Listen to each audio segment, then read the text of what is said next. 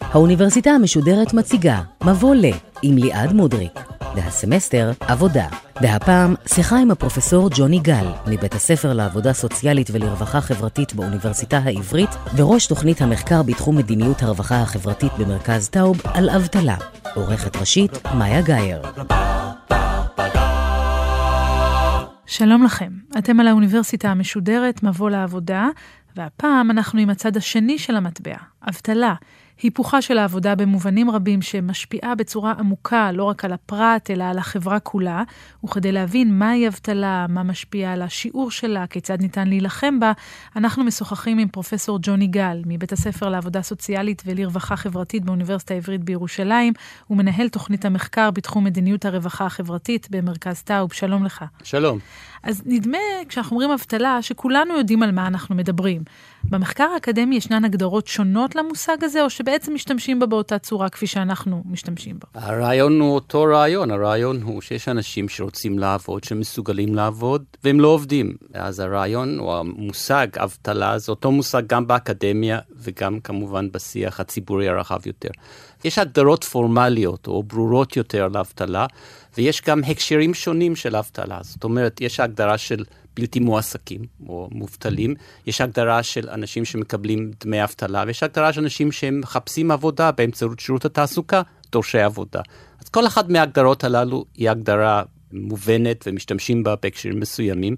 כשאנחנו מדברים על אבטלה כתופעה חברתית, או אבטלה במשק, אנחנו מתכוונים לאבטלה במובן הזה שאנשים שמסוגלים לעבוד, מחפשים עבודה בפועל או חיפשו עבודה בפועל במשך תקופה, נניח ארבעה שבועות לפני שסוקרים אותם, ולא מצאו עבודה. כלומר, יש אנשים שלא מוגדרים כמובטלים, אפילו שהם לא עובדים.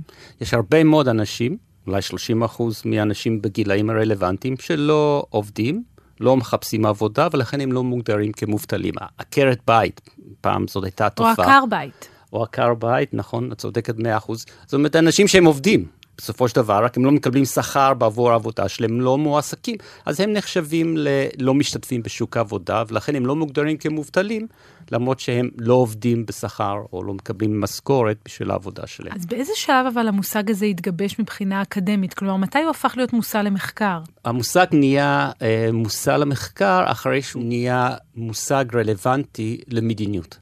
אז תופעה של אבטלה, כפי שאמרתי, קיימת כבר הרבה מאוד שנים, אומרים שבית המקדש השני זה בעצם מעין תוכנית להתמודדות עם אבטלה. אבל בסופו של דבר העיסוק של מדיניות באבטלה וגם העיסוק האקדמי זה אולי מאז המהפכה התעשייתית, באופן ספציפי עם הקמת איגודים מקצועיים לקראת סוף המאה ה-19. קובעי מדיניות הבינו שאבטלה היא בעיה חמורה שצריך להתמודד איתה מכל מיני סיבות, ואז גיבשו מדיניות, או ניסו לגבש מדיניות להתמודד עם אבטלה, וגם אנשי אקדמיה התחילו גם לספור, או לנסות להעריך את uh, היקף האבטלה, וגם לנסות להסביר כמובן את התופעה הזאת. כי אנחנו מדברים פה על המובן האקדמי של אבטלה, אבל צריך לזכור שמדידת שיעורי האבטלה הם לא עניין אקדמי, אלא להפך, יש להם משמעות פוליטית, מעשית, זה מדד להצלחה לממשלות, למדיניות כלכלית, ואנחנו תמיד שומעים בהקשר הזה גם את כל ה... אולי אה, משחקים שאנשים עושים עם המספרים. זאת אומרת, זה נראה כאילו שיעור האבטלה ירד, אבל בעצם זה מייצג אנשים שעובדים רק משרות חלקיות מאוד, לא עובדים כפי שאנחנו מדמיינים במשרה מלאה, או אפילו פחות מזה. אנשים עובדים בכל מיני צורות וגם מקבלים תמורה שונה, אז ברור שכל הגדרה לא תופסת את כל האנשים ויש לה מגבלות, אבל אני לא חושב שהמושג עצמו הוא בעייתי. יש קבוצות שאנחנו לא תופסים. קבוצה אחת זה מה שאנחנו קוראים מובטלים שהתייאשו, או אנשים שהתייאשו מלחפש עבודה.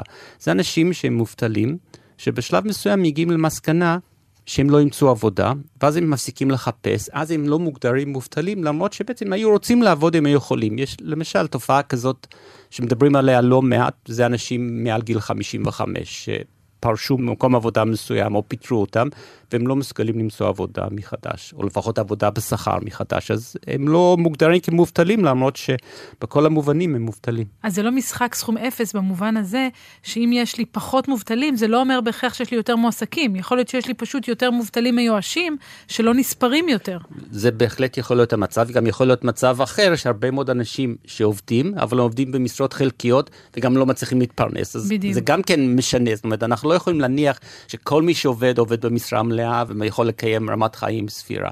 מאוד יכול להיות שבמשק יש לא מעט אנשים שעובדים באופן חלקי, למרות שהיו רוצים לעבוד יותר. המושג הזה של אבטלה, או מדידה של אבטלה, זה לא מדידה מספקת בשביל להבין את מצב שוק העבודה. ברור. ומי מופקד עליה? זה הלשכה המרכזית לסטטיסטיקה? זה שירות התעסוקה? אז גם שירות התעסוקה, גם הביטוח הלאומי וגם הלמ"ס, הלשכה המרכזית לסטטיסטיקה, כל הגורמים הללו מודדים בצורה זו או אחרת את האוכלוסייה המובטלת. הבדיקה הכי רחבה שתופסת את מרבית המובטלים זה כמובן הבדיקה של למ"ס, שזה בעצם סקר ששואל אנשים אם הם עובדים וכדומה. שירות התעסוקה בעצם רק בודק את האנשים שבאים לשירות התעסוקה בשביל לחפש עבודה, מה שנקרא דורשי עבודה. והביטוח לאומי בודק קבוצה שהיא עוד יותר קטנה של אנשים שמקבלים דמי אבטלה, ואני מניח שאולי נדבר קצת יותר על ביטוח אבטלה בהמשך. ואיך אנחנו צריכים להעריך את המספרים? זאת אומרת, מה נחשב שיעור נמוך של אבטלה, מהו שיעור גבוה, מהו שיעור מסוכן? יש סיבות שונות לאבטלה, או יש סוגים שונים של אבטלה. יש אבטלה חיכוכית, יש אבטלה מבנית. ויש אבטלה מחזורית. אז אני אנסה לסדר את זה, את הדברים, ואז, ואז זה, רלוונט, זה, זה בעצם נותן תשובה לשאלה שלך. כן. האבטלה הבעייתית ביותר אולי זה אבטלה מבנית, במובן הזה שיש שינויים דרמטיים בשוק העבודה, במשק, שגורמים לכך שאנשים מובטלים. זאת אומרת, נניח אנחנו סוגרים את כל מכרות הפחם, כי אנחנו לא רוצים פחם יותר, או אנחנו מפסיקים לייצר טקסטילים, או אנחנו מפסיקים את ענפים שלמים בחקלאות, יפוטרו אנשים, יהיו הרבה מאוד אנשים מובטלים. וזאת בעיה, כי זה לוקח הרבה מאוד זמן עד שאנחנו מחזירים אותם, או מאפשרים להם להשתלב מחדש בשוק העבודה. וזו בעיה מבנית, כי המבנה של שוק התעסוקה בעצם משתנה. נכון. יכולה להיות אבטלה שאנחנו קוראים לזה אבטלה מחזורית, שבעצם היא קשורה למחזוריות של המשק, של השוק, של התפתחות השוק. כלומר, מה, שיש תקופות שבהן יש יותר עבודה או תקופות שיש פחות עבודה, ואנחנו רואים איזה שינוי מחזורי כזה. בדיוק, זו בעצם התופעה, ואנחנו עדים לכך שיש כל הזמן תקופות או שינויים מהסוג הזה. בעצם כשאנחנו מסתכלים על ההיסטוריה של האבטלה, יצירת כלים, מדיניות כדי להתמודד עם האבטלה, הרבה פעמים הדבר הזה נבע מזה שהייתה הבנה שיש מחזוריות ויש תקופות של מובטלים, אנחנו צריכים לחשוב איך אנחנו מתמודדים עם הבעיה הזאת, משמרים את היכולות של האנשים הללו ומאפשרים להשתלב בשוק העבודה. והזכרת גם אבטלה חיכוכית. אבטלה חיכוכית בעצם נובעת מזה שאנשים עוזבים עבודות ומנסים להשתלב במקום חדש, זה לוקח זמן, או אנשים עוזבים את האוניברסיטה ומחפשים עבודה. או אנשים פשוט עוזבים מקום עבודה, מפוטרים, ולוקח קצת זמן עד שהם מוצאים את המעסיק שיכול להעסיק אותם. תמיד תהיה אבטלה חיכוכית, כי אנחנו חיים בשוק שהמעבר של המידע על מקומות עבודה, על אנשים שמתאים למקומות עבודה, זה בכל זאת מעבר שהוא בעייתי, שלוקח זמן, שלא כן. תמיד יש את החיבור. כשאנחנו מדברים על אבטלה חיכוכית, מדובר על אבטלה של 3-4 אחוז משוק העבודה. זו האבטלה שיש לנו נדמה לי היום, וזה נכון גם לגבי מדינות אחרות.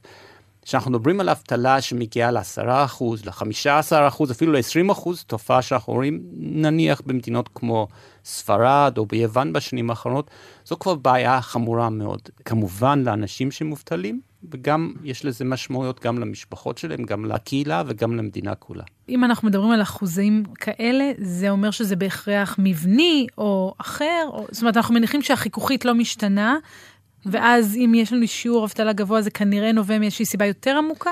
אבטלה חיכוכית גם משתנה, זאת אומרת, זה לא שזה אחוז קבוע, זה תלוי למשל עד כמה נניח שירות תעסוקה יעיל, עד כמה אנחנו מצליחים באמת לחבר בין מחפשי עבודה לבין uh, גורמים שמחפשים עובדים. אבל בסופו של דבר האבטלה החיכוכית זה משהו נע בין שלושה, ארבעה, אולי אפילו חמישה אחוז. לעומת זאת, כאשר יש שיעורי אבטלה הרבה יותר גבוהים, זה קשור או לאבטלה מבנית או לאבטלה שקשורה למחזוריות של שוק העבודה. אז אמרנו 10-15 אחוז זה כבר מצב מאוד מטריד, כן. ונשמע מדבריך ששלושה עד חמישה אחוז זה מצב סביר או הגיוני? הציפייה שתהיה אבטלה פחות משלושה אחוז היא ציפייה לא מאוד סבירה. גם אה, יש היגיון מסוים, אנחנו כן מעוניינים שאנשים יוכלו לעזוב מקומות העבודה, להשתלב במקומות עבודה חדשים. אז אני חושב שאם אנחנו מגיעים לשניים או שלושה אחוז, אני לא חושב שמישהו חושב שזאת בעיה גדולה. כן. זה כמובן תלוי באופן שבו אנחנו מתמודדים עם מובטלים, זאת כמובן שאלה חשובה. אגב, אני תוהה, יכולה להיות בעיה הפוכה? זאת אומרת, אם האבטלה היא מאוד נמוכה, אז יכול להיות שזה אומר שהיצע העובדים לא מספיק כדי לתת לשוק את מה שהוא צריך, אז יכול להיות שגם אבטלה נמוכה מדי זה לא טוב. תראי, זה לא טוב למעסיקים, כי זה אומר שהם צריכים בעצם להעלות את השכר כדי כן. למשוך עובדים. אז ברור שזה לא טוב למעסיקים, ובאמת היו תקופות כאלה, למשל, בראשית שנות ה-70 בארץ הייתה בעיה כזאת. מה שעשו אז, בעצם ניסו לעודד נשים להשתלב בשוק העבודה. וכל הסיפור של מעונות יום למשל, הסיפור הזה התפתח בתקופה הזאת, כי רצו לעודד אימהות להשתלב בשוק העבודה, כי היה בעצם מחסור בידיים עובדות. או שיכול להיות פתרון אחר, שזה לייבא עובדים מבחוץ, שזה כן. גם דבר שאנחנו רואים גם אצלנו וגם במקומות אחרים. ובעצם כששרטטת קודם את סוגי האבטלה השונים, גם פרסת בפנינו את הסיבות לאבטלה, כי כל אחד מסוגי האבטלה האלה גם נובע מסיבה אחרת. אבל יש בכל זאת אה, אוכלוסיות שהן יותר אה, מועדות לאבטלה? יש אוכלוסיות שהן פגיעות יותר. זאת אומרת, אם למשל המשק עובר להייטק, או המשק נשען יותר על אנשים בעלי ידע, בעלי יכולת, אז ברור שאנשים שאין להם את הידע המתאים למשק יתקשו יותר למצוא עבודה, או לפחות למצוא עבודה שהיא יכולה לפרנס אותם. אנשים שנמצאים למשל בפריפריה, היכולת שלהם למצוא עבודה היא יכולת מוגבלת, כי מקומות עבודה מוגבלים. יש אפליה בשוק העבודה, יש אפליה כלפי האוכלוסייה הערבית בישראל. מה שפוגע ביכולת של אנשים להשתלב בשוק העבודה, או לפחות להשתלב בשוק העבודה בעבודה שהיא מתאימה לכישורים שלהם. אז כן. ברור שיש קבוצות שנפגעות יותר.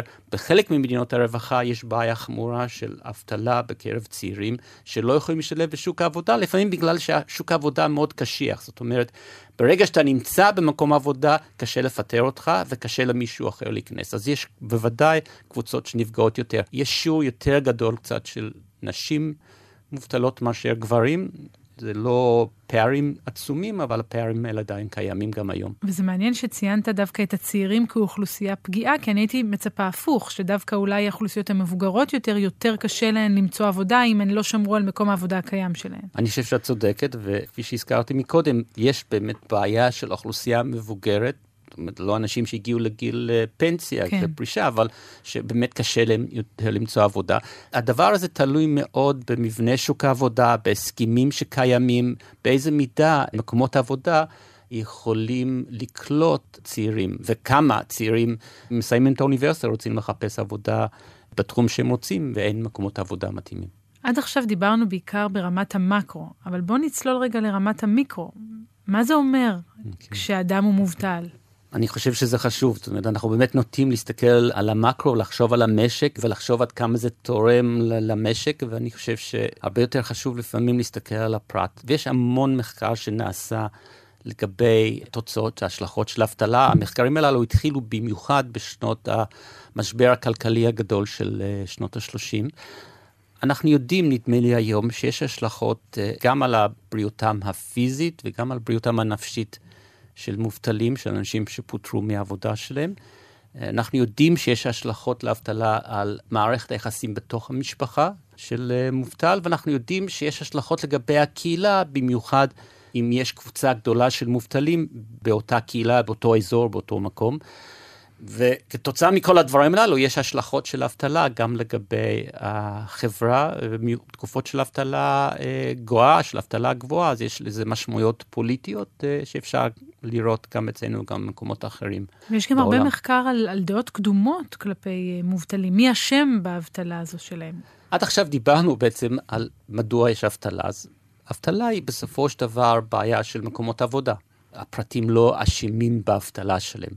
נכון, יש משמעות לשאלה עד כמה אתה מחפש עבודה, עד כמה אתה מוכן לעבוד וכולי, אבל בסופו של דבר האבטלה לא נובעת מזה שאנשים לא רוצים לעבוד, אלא בעיקר מזה שאין להם אפשרות לעבוד, או שהאפשרויות שיש הן אפשרויות לא טובות.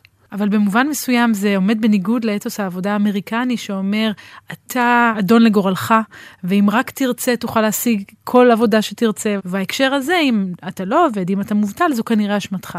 החלום האמריקאי אה, אומר על כל מיני דברים שהם לחלוטין לא נכונים. אתה אדון לגורלך ואתה תוכל להיות עשיר, אתה יכול להיות רוטשילד או טראמפ אם רק תרצה. כן. גם בעניין הזה יש בעיה גדולה. זאת אומרת, אנשים רוצים באופן בסיסי לעבוד וגם צריכים לעבוד כי הם צריכים את הפרנסה, את הסטטוס, את הסביבה שמעניקה עבודה. ובאופן בסיסי, אם אנשים לא עובדים, זה בגלל שקשה להם למצוא עבודה, או שהעבודה שקיימת היא עבודה שהיא לא מתאימה ליכולות שלהם, לכישורים שלהם, או היא עבודה שלא מעניקה להם הכנסה שמאפשרת להם להתקיים ברמת חיים שהם רוצים או שאנחנו היינו רוצים. כן. ובמובן הזה, הרבה פעמים מדיניות צריכה להתמודד לא עם השאלה איך אנחנו דוחפים אנשים חזרה לשוק העבודה אם הם מובטלים, אלא איך אנחנו דואגים לכך שאנשים שמובטלים ישתלבו מחדש בשוק העבודה בעבודה שהיא מתאימה להם. זה טוב להם, זה גם טוב למשק כמובן, כי אז אנחנו נהנים מהיכולות והכישורים שהאנשים הללו למדו ורוצים לעסוק. ללא ספק, אם אנחנו חוזרים לרמה החברתית, אז הרי יש השלכות לאבטלה על החברה. נכון. אז מה שהמחקרים מראים בצורה מאוד ברורה, שיש השלכות, כפי שאמרתי, על הבריאות הפיזית והבריאות הנפשית של פרטים. זאת אומרת, אנחנו יודעים שאבטלה גורמת לירידה בהכנסות בדרך כלל. אבטלה גורמת למתח רב מאוד לפרט, והדבר הזה בא לידי ביטוי גם בבריאות הפיזית, גם שאנשים מדווחים, אבל גם אנחנו רואים למשל אה, מקרי מוות, מוגבלות, אנחנו רואים גידול בקרב, או, או שיעור הרבה יותר גדול בקרב מובטלים. הבריאות הנפשית של אנשים נפגעת כתוצאה מאבטלה, בעיקר תופעות של דיכאון, של חרדה, דברים שקשורים במיוחד להיבטים הנפשיים של אבטלה. אבל אומרת... אפשר לדבר פה על קשר סיבתי, זאת אומרת, אתה יכול כן. להגיד הפוך, שאולי דווקא אלה שהם יותר חולים או יותר סובלים מדיכאון, הם אלה שיותר ייטו להיות מובטלים. זאת הערה טובה. הטענה היא שיש קשר סיבתי, לפחות את הקשר הסיבתי אפשר להראות באופן ברור שיש קשר בין אבטלה לבין בעיות נפשיות.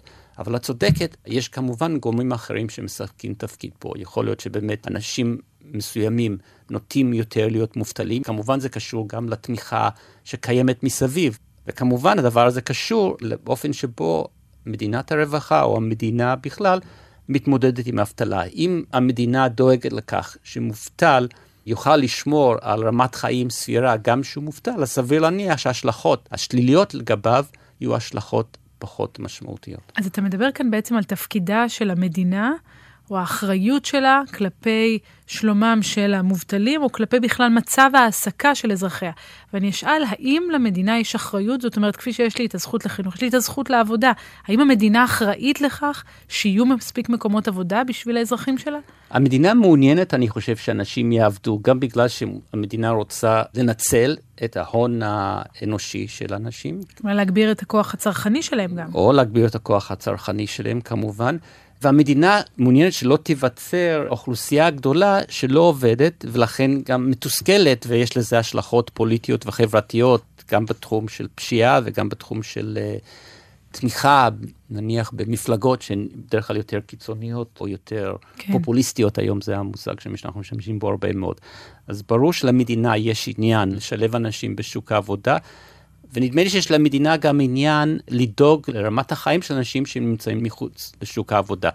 ומה שנוצר, בעצם החל משנות ה-30 של המאה הקודמת, זה תוכניות שנועדו לא רק ליצור מקומות עבודה, כן. זה בעצם זה הפתרון המסורתי להתמודדות עם האבטלה, אלא תוכניות שנועדו להבטיח את רמת החיים של אנשים בזמן שהם מחוץ לעבודה, ותוכניות שנועדו לעזור להם להשתלב בשוק העבודה מחדש. ביטוח אבטלה זו התוכנית המרכזית בהקשר הזה. ביטוח אבטלה, כלומר דמי אבטלה, מה שאנחנו נוהגים לקרוא כל... דמי אבטלה. דמי אבטלה זה בעצם מה שאנשים מקבלים שהם זכאים לביטוח אבטלה, ואז בעצם יש ניסיון למצוא איזון נכון בין שתי מטרות עיקריות. מטרה עיקרית ראשונה היא להבטיח את רמת החיים של אנשים בזמן שהם לא עובדים כן. ומחפשים עבודה חדשה. המטרה השנייה של ביטוח אבטלה זה ליצור לחץ, לעודד, לאלץ אנשים להשתלב מחדש בשוק העבודה. ותוכניות ביטוח האבטלה מבקשות בעצם למצוא איזון נכון, כי זה איזון עדין בין שתי המטרות הללו. אבל התוכניות הראשונות של ביטוח אבטלה לא באו מהמדינה, הן דווקא נולדו בצורה פרטית, נכון? על ידי איגודי עובדים. נכון, התוכניות הראשונות של ביטוח אבטלה בעצם נולדו על ידי איגודים מקצועיים, שרצו ליצור מצב שחברי האיגוד, שהרבה פעמים היו מובטלים, יוכלו להתקיים ברמת חיים סבירה בזמן שהם מובטלים. אנחנו רואים את זה גם במדינות אחרות וגם בישראל. ההסתדרות למשל הקימה את קרן חוסר עבודה ב-1932-33 כדי להתמודד עם בעיות האבטלה, כי בעצם גם אצלנו אז וגם במדינות אחרות המדינה לא לקחה אחריות. והאיגודים היו צריכים להפעיל תוכניות. אחרי זה ערים הפעילו תוכניות ביטוח אבטלה. בסופו של דבר, ביטוח אבטלה זו תוכנית אבל שלא יכולה לעבוד כאשר היא נשענת על קבוצה קטנה של אנשים, שיש סיכוי שכולם, או חלק גדול מהם יהיו מובטלים באותו זמן. ולכן, מה שאנחנו רואים בכל המדינות, וגם אצלנו, ביטוח אבטלה היא תוכנית שמקיפה את כלל העובדים, גם אלה שהסיכוי שיהיו מובטלים הוא קטן. כן. והדבר הזה מאפשר בעצם ליצור קופה מספיק גדולה כדי שאפשר לעזור לחלק מהאנשים כאשר יהיו מובטלים. כלומר, כל אחד מאיתנו מפריש סכום מסוים של כסף שמיועד לשמש לצורכי דמי אבטלה, בין אם לנו ובין אם לאחרים. זה ביטוח לאומי. בדיוק דרך ביטוח לאומי. ברוב המקומות, וגם אצלנו, זה רק שכירים ולא עצמאים, בגלל שורה של uh, מורכבויות, אבל כל השכירים בעצם מכוסים על ידי ביטוח אבטלה. זה בעצם ביטוח שנועד כדי לעזור לאנשים אם יפוטרו. שוק העבודה משתנה ויש סיכוי יותר גדול, נדמה לי היום, שאנשים מכל מיני מגזרים וכל מיני תחומי עבודה יפוטרו, וביטוח אבטלה בעצם צריך לתת לכולם מענה. אבל אמרת קודם שהמטרה הנוספת של אה, ביטוח האבטלה, מעבר להבטחת אה, שלומם ורווחתם של המובטלים, זה לעודד אותם לחזור לשוק העבודה. שזה מעניין, כי הרבה פעמים אנחנו דווקא שומעים את הטיעון ההפוך, שאנשים מעדיפים להישאר בבית ו... אולי לקבל את דמי האבטלה, מאשר ללכת לעבוד ולוותר על האפשרות הזו. אנחנו קוראים לזה לפעמים מלכודת האבטלה. כן. הם גם הם מעדיפים לא לחזור לשוק העבודה בגלל שלא כדאי להם, או לפחות הם חשים שהתמורה שיקבלו היא תמורה נמוכה. אז יש דרכים שונות כדי להתמודד עם הדבר הזה בכל המדינות, ואצלנו באופן מיוחד, תקופת הזכאות, התקופה שבה אתה יכול לקבל דמי אבטלה, היא תקופה יחסית קצרה. אצלנו זה נע בין 50 ימים ל-175 ימים מקסימום, זאת אומרת, זו תקופה יחסית קצרה. אז אנשים בעצם אין להם את האפשרות, גם אם היו רוצים, אין להם את האפשרות להישאר בבית לאורך זמן. גם ביטוח אבטלה כולל uh, תנאים שונים שנועדו בעצם לבחון האם הבן אדם מחפש עבודה בפועל. ואם מישהו לא מחפש עבודה בפועל, אז הוא לא יהיה זכאי לקבל דמי אבטלה.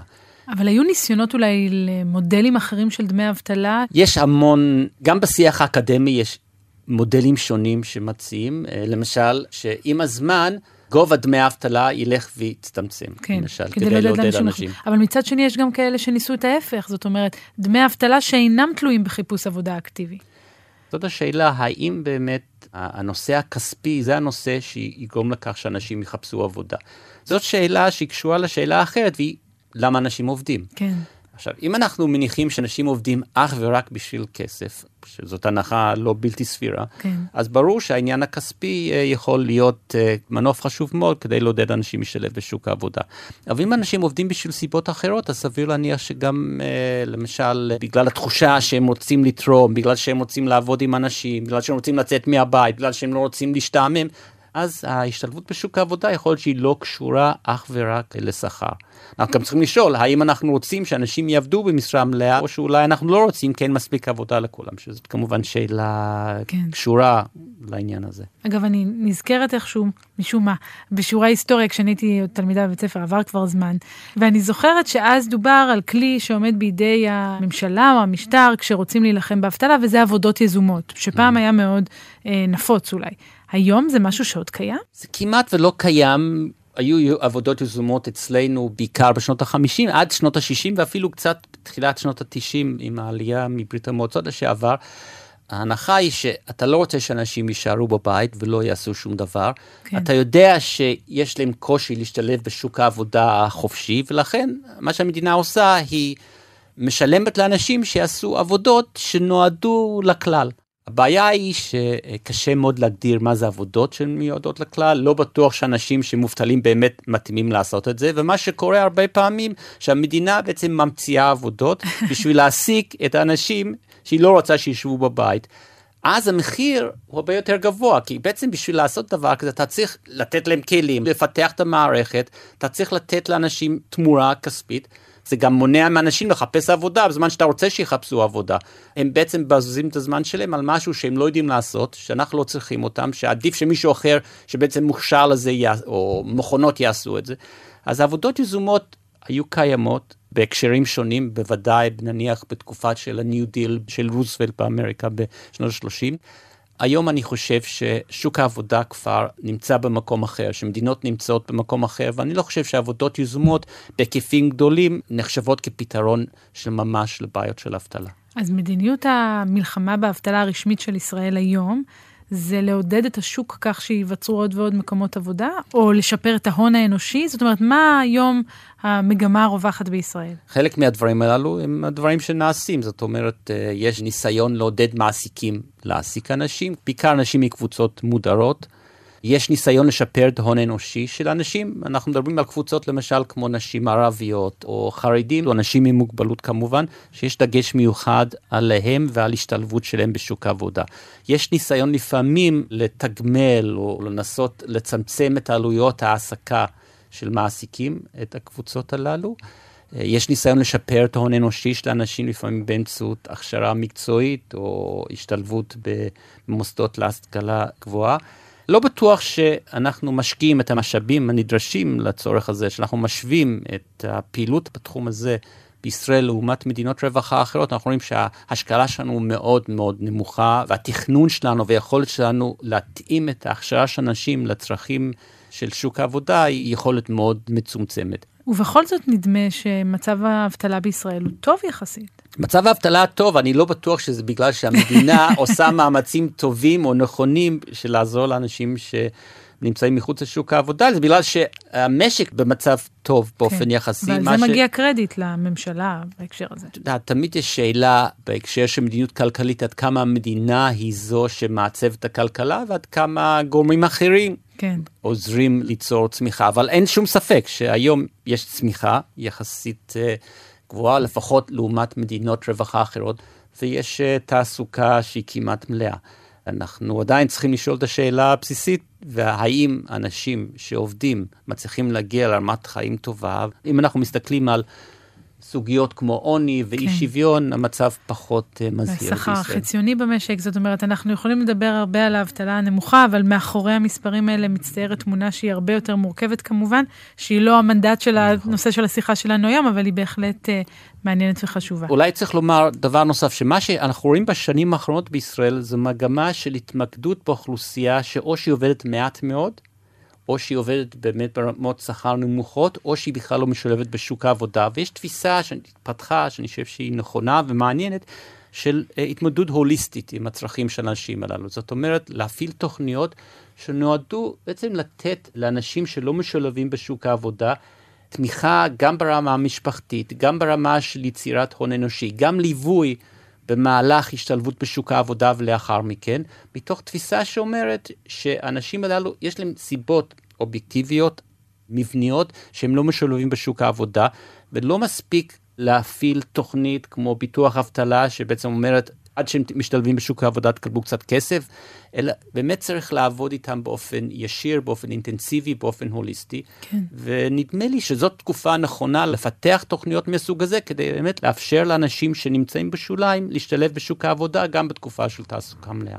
ואנחנו מתקרבים לסיום, התחלתי את התוכנית ואמרתי שכולנו יודעים בעצם מה זו אבטלה. נדמה לי שבשיעור הזה או בשיחה הזאת העשרת את הידע שלנו, ואני רוצה לשאול אותך, כחוקר שמתעסק בתחום הזה, האם אתה מרגיש שהייתה איזושהי תרומה מחקרית להבנת המושג של אבטלה, או למה אפשר לעשות איתה, שבאמת חורגת מעבר למה שאנחנו קוראים בעיתון? זאת אומרת, איפה התרומה האקדמית כאן, שיש לה משקל משמעותי?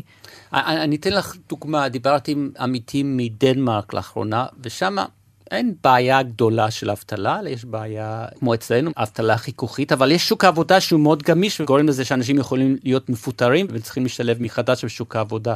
דרך אגב, התקופה המקסימלית של דמי אבטלה בדנמרק זה ארבע שנים. ארבע שנים. ארבע שנים. אבל בכל זאת המדינה איכשהו אה, משגשגת וגם המשק שם. ואני אגיד רק בהערת אה, אה, שוליים, שבאמת שם יש את השילוב הזה בין גמישות מצד אחד, וגם הבטחה, ביטחון של תעסוקה והכנסה מצד שני. נכון, ומה שמנסים לשכלל שם זה בעצם להפוך את ביטוח אבטלה למשהו הרבה יותר אינדיבידואלי. זאת אומרת, להתאים את ביטוח אבטלה למאפיינים הספציפיים של העובד, מבחינת רמת דמי האבטלה, מבחינת תקופה, מבחינת איך אתה מתמודד, איך אתה משפר את ההון האנושי או מאפשר למישהו את ההכשרה המתאימה כדי שיוכל להתאים את היכולות שלו לשוק העבודה שמשתנה. אז זו תרומה אקדמית, כי זה אנשים מאקדמיה. ש... כן. אבל אני חושב שכל תוכניות האבטלה, כל התוכניות שקיימות מביטוח אבטלה, דרך הבטחת הכנסה שלא דיברנו, אבל זו תוכנית ש... בעצם עוזרת לאנשים שכבר לא זכאים לביטוח אבטלה, או התוכניות שדיברתי עליהן, התוכניות יותר הוליסטיות, זה תוכניות הרבה פעמים שנוצרו באקדמיה, תוך כדי uh, שיח עם השטח, עם אנשי המקצוע ועם אנשים שבעצם סובלים מאבטלה. אנחנו עושים את זה בעבודה סוציאלית כל הזמן. כן. ואז בעצם ניסיון להפוך את התובנות שלנו למדיניות. אה, וזה המחויבות של אנשי האקדמיה, לא רק לחקור, אלא גם להשפיע על החברה. בהחלט. אני רוצה להודות לך, פרופסור ג'וני גל, שפתחת לנו צוהר לעולם הזה של חקר האבטלה, איך אפשר להתמודד איתה ומה משמעותה. תודה רבה לך. תודה רבה לך.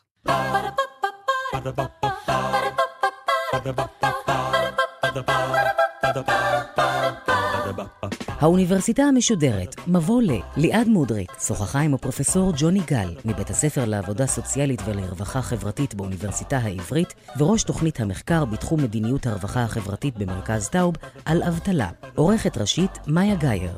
עורכות ומפיקות, נוגה סמדר ועמליה נוימן.